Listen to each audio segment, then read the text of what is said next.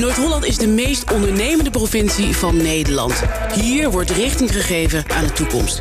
Maar door wie? Wie zijn die mensen? Wij noemen ze de aanvoerders. Mijn naam is Ger Welbers en vandaag is mijn gaste Janneke Scholtens. Janneke is directeur van bureau Zorro en dat is een bureau voor toekomststrategie. En tevens is zij trendwatcher. Recent heeft zij, samen met collega-auteur Mabel Nummerdor... het boek met de titel Holy Fuck uitgegeven.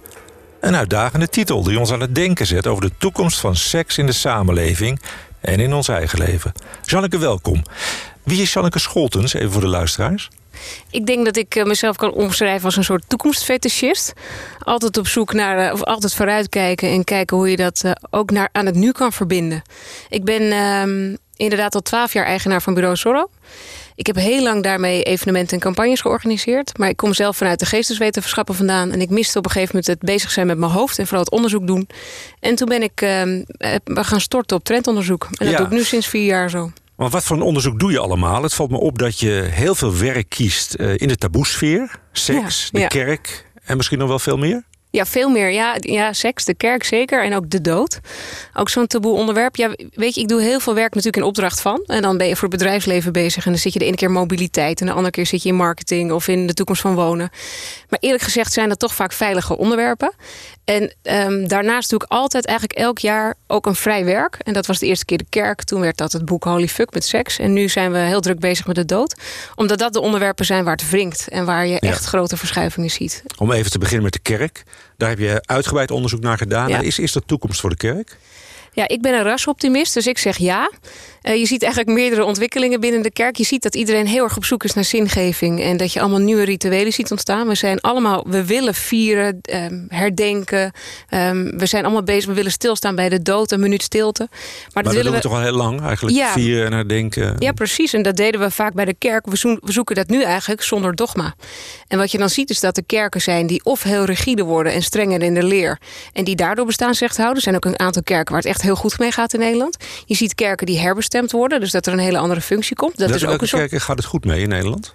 Uh, nou, vaak. Ik zie bij de Pinkstergemeente bijvoorbeeld is een voorbeeld. Of ik, ik heb nu inmiddels bij heel veel kerken gesproken. En er zit altijd een, uh, iemand in de zaal die zegt: bij ons is het anders. Bijvoorbeeld een kerk in Huizen waar het weer heel goed ging. Maar je ziet dat er meerdere scenario's dus zijn. Dus je kan kijken naar die veranderingen in de maatschappij en je daarop richten.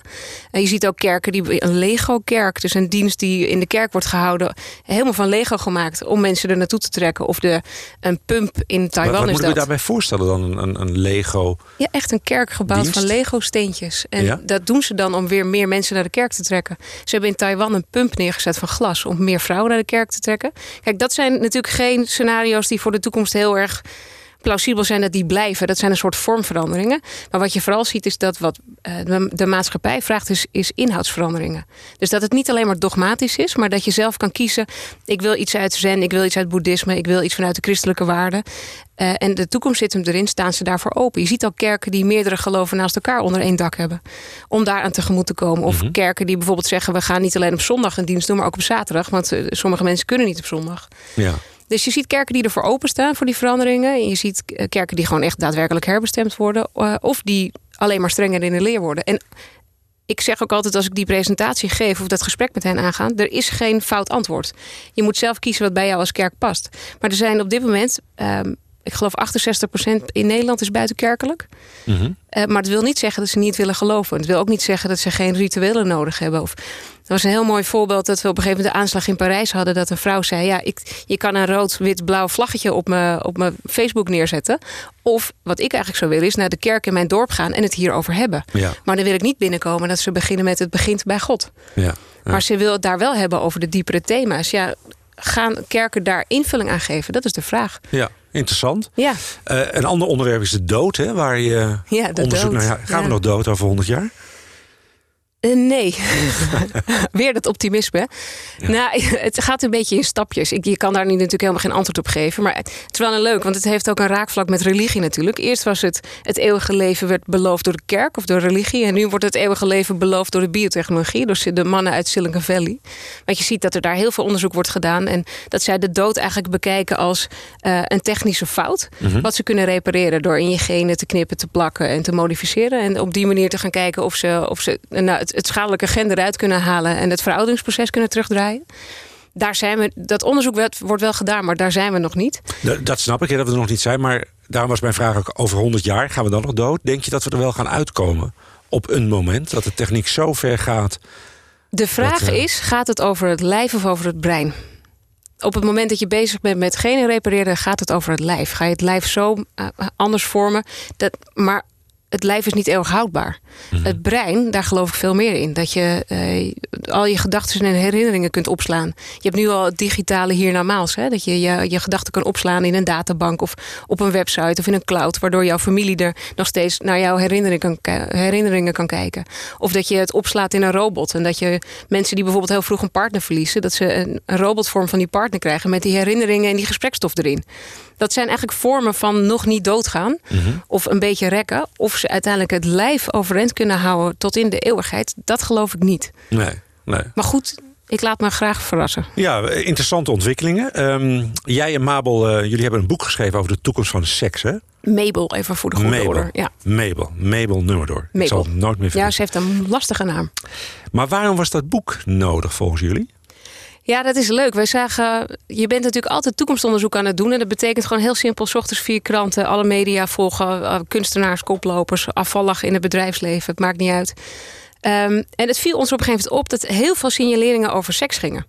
Echt vanuit alle kanten. Maar wat je dan ziet, wat wij zagen wat ermee gedaan wordt, is dat het of vanuit technologie belicht wordt, van alleen maar over die seksrobot, of alleen maar vanuit seksuologie. Maar dat er nooit wordt gekeken naar, dat er nooit niet een allround onderzoek werd gedaan naar wat gebeurt er nou op het gebied van demografie, ecologie, sociologie, technologie, politiek, zeg maar alles. Um, en toen zijn we op een gegeven moment zijn we elkaar allemaal appjes gaan sturen van... hey, heb je dit al gezien? Puppy Love is nu helemaal in in Amsterdam. Of um, um, de seksrobot komt eraan uh, in Noord-Holland. Dus om uh, zeg maar alle signaleringen die we tegenkwamen aan elkaar te appen... en dat werd echt een soort vurige apprelatie. En op een gegeven moment zei Mabel tegen mij van... Sjan, volgens mij, als wij het niet doen, doet iemand anders het. En toen is zij echt op één knie gegaan. En zei ze, wil je met mij het boek over de toekomst van seks schrijven? Toen zei romantisch. ja, en toen ja. Zei ik, ja, ja, we hebben ook wel een romantische relatie, moet ik zeggen. Oké, nou jullie beschrijven... okay, jullie beschrijven zeven tijdperken. Ja. Kun je dat uitleggen en, en ook een aantal van die tijdperken toelichten? Ja, dat onderzoek was zo veelomvattend. Je moet je voorstellen, we hebben een paar keer ons opgesloten in een huis... om al die uh, signaleringen te, te, clusteren eigenlijk... van wat gebeurt er nou precies. En toen kwamen we uiteindelijk uit op zeven tijdperken. Zeven, die, zeven stappen steeds verder de toekomst in. Um, en uiteindelijk eindigen we in 2050. En om daar de lezer een beetje mee te nemen, moet je dat natuurlijk een beetje hapbaar maken. Dus vandaar dat we het zo hebben gedaan. En één tijdperk is bijvoorbeeld het eerste, is het tijdperk van sekstremisme. dat is het tijdperk waar we nu in leven, wat iedereen ook nu om zich heen ziet. Um, en dat gaat er eigenlijk over dat we heel veel dingen, trends haaks op elkaar zien staan. Net zoals dat we nu in de samenleving ook zo enorm aan het polariseren zijn. Dus dat is dat extremisme van sekstremisme. Help me even, kan je een voorbeeld, maken? Ja, ja, aan de ene kant zie je veel meer voorbeelden van ruwe seks, BDSM. Uh, de opkomst van 50 tinten grijs. Hè, dus de, de zweepjes en de handboeien naast de citruspers op de huishoudbeurs. Dat vinden we allemaal, dat is gewoon mainstream geworden. Maar dat was iets wat eerst helemaal in, in, nou ja, een beetje in de taboesfeer zat. Dat is, dat is nu niet meer zo. Maar aan de andere kant zie je dan juist de opkomst van tantra en spirituele seks. Totaal tegenstrijdig, maar dat hoort heel erg bij die seksualisme-tijd waar we nu in leven. Um, Temptation Island of al die tv-programma's met dat we bloot moeten zijn en de seks overal. Echt, je, waar je kijkt zie je seks. Tegelijkertijd worden we weer puriteinser, willen we weer bedekken. Hoor je van jongeren die met, met kleren aan onder de douche gaan, met een onderbroek aan. Uh, Playboy heeft een tijdje het naakt geweerd. Hè? Toen zeiden ze van ja, we zien zoveel naakt om ons heen, dat is helemaal niet meer erotisch, laten we het maar weer toedekken. Dus dat soort tegenstellingen zitten in het tijdperk van de sekstremisme. Mm En dan uh, wilde je nog een tweede horen? Ja, graag. Nou, het tijdperk van de Love Illusion. Het, uh, de toekomst van relaties. Dat is ook wel iets wat mensen nu al heel erg om zich heen zien, denk ik. Juist door digitalisering, hè, door Tinderen... kun je heel makkelijk met meer mensen tegelijkertijd daten. En dan hoor je dus ook vaak ook van jongeren... dat ze de ene week uh, drie dates hebben en de volgende week weer. En zo onderhouden ze meerdere relaties tegelijkertijd. Dus je ziet nu dat veel meer mensen openstaan voor polyamorie. Dus met meer mensen een relatie hebben. Uh, IKEA heeft onlangs het driepersoonsbed bijvoorbeeld uitgegeven... om daar weer invulling aan te geven. Die springen daar leuk op in. Wat kost dat? Wat kost dat? Uh, geen idee. Nee, daar heb ik niet naar gekeken. Ik, heb, ik, vond, ik denk, je hebt er wel eentje thuis. Nee, maar... nee, nee. Mabel ligt nog niet naast me. nee. Ja, maar dat zijn wel allemaal vormen dat je... Want het is eigenlijk heel breed dan, hè? Dan zeg je van, uh, van relaties worden heel anders. Ja. Uh, singles die enorm toenemen. Ja, en, ja, achter de helft van alle voordeuren woont tegenwoordig een single. Je ziet dus ook steeds meer single concepten ook voorbij komen. Hè. Eerst hadden we nog alleen maar die eenpansgerechten bij de, Albert Heijn of het restaurant Eenmaal. Maar je ziet dat daar ook een opkomst in is. Mhm. Dus je ziet dat al die nieuwe relatievormen ook vragen om, om nieuwe concepten vanuit het bedrijfsleven. Dat mensen daar, dat ze er goed op kunnen inspringen, nieuwe marketingconcepten. Ja. En zie je die trend ook doorgaan dat het aantal singles verder gaat stijgen, toch? De grens is nog niet bereikt? Nee, de grens is zeker nog niet bereikt. Ja, je, wat, je, wat je vooral ziet is dat mensen uh, vaker kiezen om een periode in hun leven alleen te zijn. Dat het niet meer erg is om bijvoorbeeld uh, tien jaar even, even zelfstandig te zijn... en dan weer voor een relatievorm te kiezen. Het is natuurlijk ook, ook veel normaler geworden om te hoppen van de ene fase in je leven naar de andere. Dus dat je bijvoorbeeld zeven jaar het een doet, zeven jaar het ander. Dus dat zie ik nog wel toenemen, ja. Mhm. Ik las jullie boek en wat mij toen opviel... is jullie schrijven aan de ene kant over technologie... en aan de andere kant over huidhonger wat eigenlijk haaks op elkaar lijkt te staan. Kun je dat uitleggen? Ja, het een vraagt natuurlijk om het ander. Technologie vervangt heel erg uh, de menselijke intimiteit. Dat laten we toe. Tinder maakt dat je op die manier met elkaar kan daten. Dat hoeft niet meer in de kroeg. Je hebt haptische technologie. Dan kan je mensen aanraken. Bijvoorbeeld door... Ja, ze hadden op een gegeven moment Durex ontwikkeld. Ondergoed waarbij je op afstand de ander kan bedienen. Of dat eitje wat je ook wel uh, uh, kent misschien. Dat je dat in kan brengen bij je partner. En dat als die aan de andere kant van de wereld zit... kan je toch met een knopje op je telefoon duwen. Kan je haar een, vibratie geven. Uh, dus voor lange afstandsrelaties komen er allemaal leuke technologische vernuften. Uh, je ziet dat bijvoorbeeld, seks is natuurlijk een groot punt voor voortplanting. Dat we dat ook al in het laboratorium voor een deel laten doen. Strakjes ga je er naartoe dat je zelfs kan kiezen om zelf het kind niet te dragen. Maar dat te laten dragen door bijvoorbeeld een draagrobot. Dus je ziet dat op, in alle facetten van seks technologie zijn intrede heeft gemaakt. En ook de slaapkamer is binnengedrongen. En dat maakt eigenlijk dat seks schreeuwt om menselijke aandacht. En dat je dus daar tegenover juist ziet staan. Dat in plaats van een virtuele relatie, dat we weer hunkeren naar menselijke intimiteit. Dat juist die aandacht voor technologie maakt dat we weer heel erg huidhonger ervaren. Je ziet bijvoorbeeld in Japan dat jongeren kiezen voor een virtuele relatie in plaats van een echte. Dus dat die veel meer op, achter een computer een relatie hebben. Maar daar komen dus de knuffelcafés omhoog, omdat ze dan toch een aai om over een bol willen of een arm erheen. En dat noemen we eigenlijk de, de term uit de zorg is dan huidhonger. Want een mens heeft uiteindelijk huidhonger. En eh, dat is dus de aanraking ja. door een ander. Ja, oh ja. echt huid op huid. Dus door technologie maakt dat we huidhonger ontwikkelen. Ja, nou heet het boek uh, Holy Fuck. Dat vind ik een gewaagde titel. Is, dat, is dat een market, marketing dingetje of heeft het nog een andere betekenis? Nou, ik, in het proces van alle trendsignaleringen die we zagen... een aantal dingen hebben het boek natuurlijk ook niet gehaald, kan je je voorstellen. Hebben we echt heel vaak met z'n tweeën nou, omst de beurt eigenlijk geroepen... holy fuck, hey, is dit er ook? En dat zeiden we op een gegeven moment zo vaak. We zeiden eigenlijk altijd holy fuck en dan hè, gezellig... omdat we met z'n tweeën bezig waren. Ehm, en dat is uiteindelijk een beetje een soort... Uh, we hebben het zo vaak gezegd dat het niet anders kon dat het de titel werd. Ook al is het een beetje een gewaagde titel. Maar er zit ook nog wel een laag onder. Want um, eigenlijk is seks om ons voor te planten het meest scheppende vermogen wat wij als mensen hebben. dat maakt ons bijna goddelijk, zo gezegd. Uh, en op het moment dat technologie daar zijn intrede maakt... en we dat lijf en seks helemaal niet meer nodig hebben om ons voor te planten... wat we ook aan het einde van het boek schetsen... dan zie je eigenlijk dat de holy uit de fuck begint te sluipen. En dat is een van de eindconclusies die we ook trekken in het boek. Dat we uh, het zo jammer vinden dat technologie zoveel vervangt. Mm -hmm. uh, dat wij dus pleiten voor die huidhonger weer. Maar dat zijn eigenlijk de twee redenen dat het holy fuckers gaan heten. En uiteindelijk marketingtechnisch is het heel erg leuk geweest. Want je merkte ook dat de media er natuurlijk bovenop sprong. Ja, snap ik. Jullie beschrijven heel veel dingen. Jullie hebben over heel veel dingen nagedacht, vond ik ook. Hè. Ik vond de voorbeelden in het boek ook aansprekend en herkenbaar. Dank je. Um, welke welke ontwikkelingen zeg, zeggen jullie zijn over een paar jaar ook echt hier in Noord-Holland te verwachten. wat leuke, gaan we zien? Ja, het leuke is wel, um, eigenlijk elk hoofdstuk, hoe ver we ook vooruit de tijd in gaan, begint met trendsignalering in het nu. Dus het is er al. Heel veel is er al. Um, wat je nu binnen vijf jaar in Noord-Holland sowieso gaat zien... is, uh, is denk ik dat um, de sexshops zoals je ze kent... dat die veel meer met haptische technologie gaan doen. Haptische dus, technologie? Ja, dus dat je kan aanraken. Mm -hmm. um, dus dat op afstand besturen bijvoorbeeld, uh, wat ik net zei. je gaat hier in Noord-Holland die nieuwe vormen van relaties veel vaker zien. Dus inderdaad veel meer singles, veel meer polyamoreuze relaties... maar ook concepten die daarop gemaakt worden.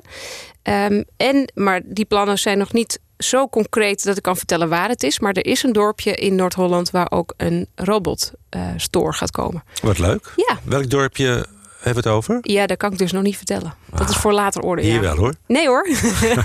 ik ken je. Nee, ja, het is, maar het is wel concreet. Dus ja, dat is, is concreet. ja. kijk, in het zuiden van Nederland is er al zo'n hele, een hele grote dependance. Ik weet dat die uh, robotpoppen voor seks verkopen. En dat die inmiddels vijf keer zo groot moeten. en als er dan ook zo'n kleine die winkel bedoel je? Ja. Moet vijf keer zo, ja, die moet, poppen? nee, die, die winkel. Omdat, ze, omdat er zoveel vraag is. Ze moeten zoveel poppen opslaan. Ja, daar is echt mhm. een hele markt voor. Um, ik zag vandaag trouwens dat ze ook Laura uh, Tomb Raider hebben gemaakt. Dat dat nu de, de, grootste, nieuwste pop is die iedereen wil hebben. Ja. Uh, maar dan zie je dus ook dat de jonge ondernemers gewoon uit Noord-Holland erop inspringen en denken dat wil ik ook. Want als dat zo'n goede business is, dan uh, kan dat ook in een dorp. Ja, als je, ja ik, ik geloof het helemaal wat je zegt. Hè? En als je dan zegt die robots, hè, die moeten dus ook op iemand lijken. Dus die moeten wel weer op een mens ja, dat is eigenlijk wel weer jammer. Want als je uh, een beetje vrij denkt over seks... waarom zou de ander er precies moeten uitzien als een mens? Jullie kennen ook de film uh, Avatar allemaal wel. Dat, is, dat ziet er heel anders uit als die met hun staart in elkaar krullen. Uh, in Japan is het zo dat ze het mannelijk geslachtsdeel niet mochten afbeelden. Dus het was tentakelseks. Dus we denken ook wel eens... waar maken ze niet een robot die juist hele andere geslachtsdelen heeft dan de mens? Maar zoals het nu nog is, is het toch heel antropomorf. En dat betekent eigenlijk gewoon op de mens lijkend. Mhm. Dat verkoopt nu. Ja, nou ben je zelf ook uh, onderneemster. Hè? Ja. Heel erg actief in het West-Friese ook. Ja. Um, waarom is het onderwerp wat jullie hebben onderzocht ook relevant voor het bedrijfsleven? Um, ja, het is hartstikke relevant voor het bedrijfsleven. En dat heeft ermee te maken, ik weet niet of, de, of jij de piramide van Maslow kent. Maar Zeker. Ja, daar zitten de eerste behoeften van de mensen in. Hè? Zuurstof, water, eten. Maar daar staat seks um, ergens helemaal onderaan die piramide. is een van de belangrijkste drijfveren van de mens. Nou, als je met marketing bezig bent of als je een ondernemer bent... ben je altijd bezig met wat consumenten drijft. En hoe je zorgt dat ze iets van jou willen kopen. Hoe ze een dienst willen kopen of een product. Als seks een drijver is, moet, het je dus, moet je daar dus iets mee. Uh, dus ik vind het alleen maar heel erg logisch dat seks een, een plus. Um, op het moment dat je aan het werk bent, gaat het ook over relaties tussen medewerkers. Misschien is er op de, op de vloer ooit een MeToo-affaire geweest of uh, seksuele intimidatie. Of ik weet niet of jullie zomergasten hebben gezien met Esther Perel, die uh, psychotherapeut. Ja, ja. Zij richt zich altijd heel erg op paren, maar zij gaat zich nu op Google en op, op CEO's richten. Omdat zij bijvoorbeeld zegt: eigenlijk is een relatie tussen een CEO en een CFO bijna als een huwelijk.